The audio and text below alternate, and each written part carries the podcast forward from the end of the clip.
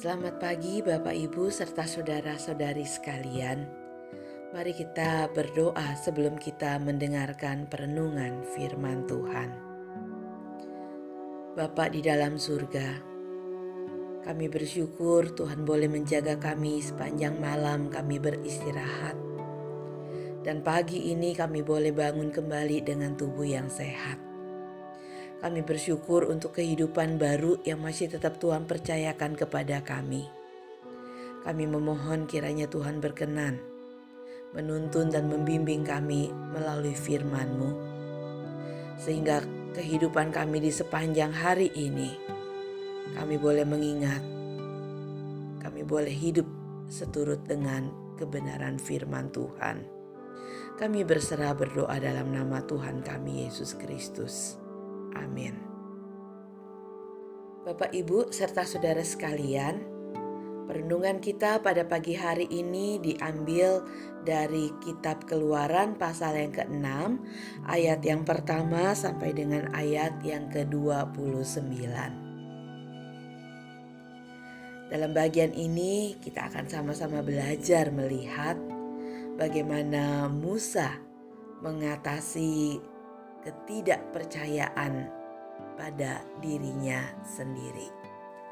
Bapak, ibu, serta saudara sekalian, pernahkah kita mengalami satu situasi yang membuat kita kehilangan kepercayaan diri kita, yang membuat kita merasa bahwa kita ini begitu bodoh dan tidak bisa apa-apa, seakan-akan ada di tempat yang salah, ada dalam situasi yang salah? Dan kita seakan-akan tidak berdaya untuk menghadapi situasi yang kita hadapi. Musa mengalami itu ketika Tuhan mengutus dia untuk datang kepada Raja Firaun di tanah Mesir. Dia diutus Tuhan untuk meminta izin agar Firaun mengizinkan bangsa Israel keluar dari tanah Mesir sehingga bangsa Israel bisa kembali ke tanah yang dijanjikan oleh Tuhan. Musa pernah datang menghadap kepada Firaun sebagaimana disebutkan dalam Keluaran pasal yang kelima. Tetapi apa yang terjadi sesudah Musa datang menghadap? Bukannya Firaun mengizinkan bangsa Israel keluar dari tanah Mesir, Firaun justru menindas bangsa Israel dengan lebih lagi mereka ditindas dan ditekan lebih keras lagi oleh kerja paksa yang dilaksanakan oleh Firaun terhadap mereka. Mereka dipaksa untuk tetap menghasilkan jumlah batu bata yang sama, sementara bahan bakar yang mereka perlukan, jerami dan rumput kering, tidak lagi diberikan kepada mereka. Mereka harus mencarinya dan mereka juga harus tetap bekerja membuat batu bata. Dan kenapa itu terjadi? Karena Firaun ingin menekan mereka lebih kuat lagi. Dan kapan itu terjadi? Sesudah Musa datang menghadap Firaun untuk meminta izin agar Firaun mengizinkan bangsa Israel keluar. Sehingga ketika bangsa Israel berjumpa dengan Musa, yang disampaikan oleh mereka kepada Musa bukanlah kata-kata yang menyenangkan dan menguatkan. Mereka justru malah protes oleh karena apa yang Musa lakukan. Mereka harus ditindas lebih keras dan lebih berat. Dan hari ini dalam keluaran pasal yang ke-6 ketika Musa mulai merasa ragu akan kehendak Tuhan, akan ketaatannya kepada Tuhan, mungkin juga merasa menyesal dengan apa yang dia lakukan, yang mungkin dia melihat dirinya betapa bodoh bahwa apa yang dia lakukan bukannya bisa menyelamatkan bangsa itu, malah membuat mereka lebih menderita. Musa menyerah. Musa berkata, dia memang bukan orang yang petah lidahnya. Dia bukan orang yang pandai bicara.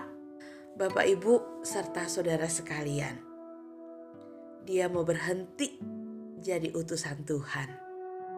Tetapi, apakah Tuhan menyerah?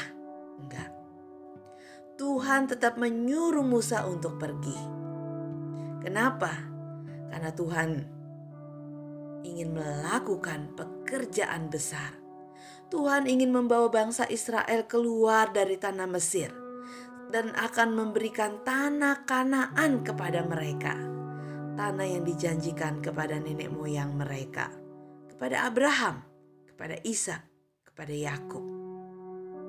Dan itu sebabnya Tuhan tetap mendorong Musa untuk kembali menghadap kepada Firaun supaya Musa kembali meminta izin. Dan ada dua alasan kuat yang Tuhan berikan kepada Musa.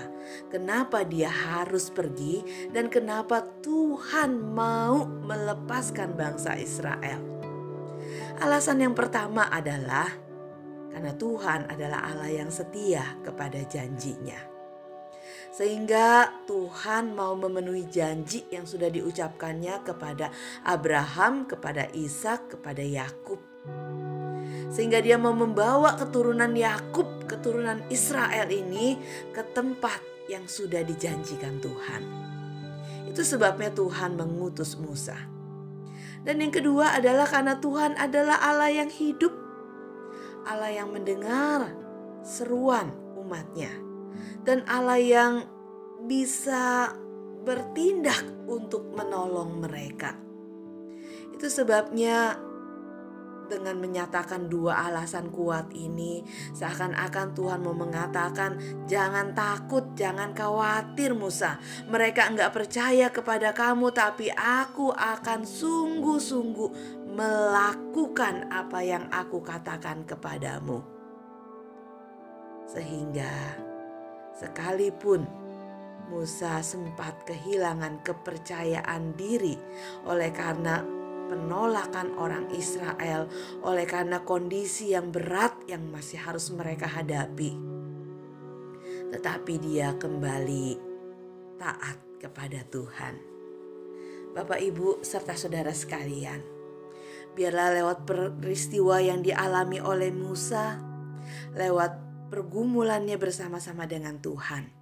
Kita pun juga boleh belajar. Belajar untuk tetap tidak kehilangan percaya diri kita ketika kita melakukan kehendak Tuhan. Sekalipun kita belum melihat apa yang baik. Percaya bahwa Tuhan pasti akan melakukan apa yang dijanjikan. Itu sebabnya Dia mengutus kita. Kiranya Tuhan menolong kita untuk menghadapi pergumulan kita, untuk menghadapi situasi-situasi berat yang harus kita temui hari ini. Tuhan beserta kita.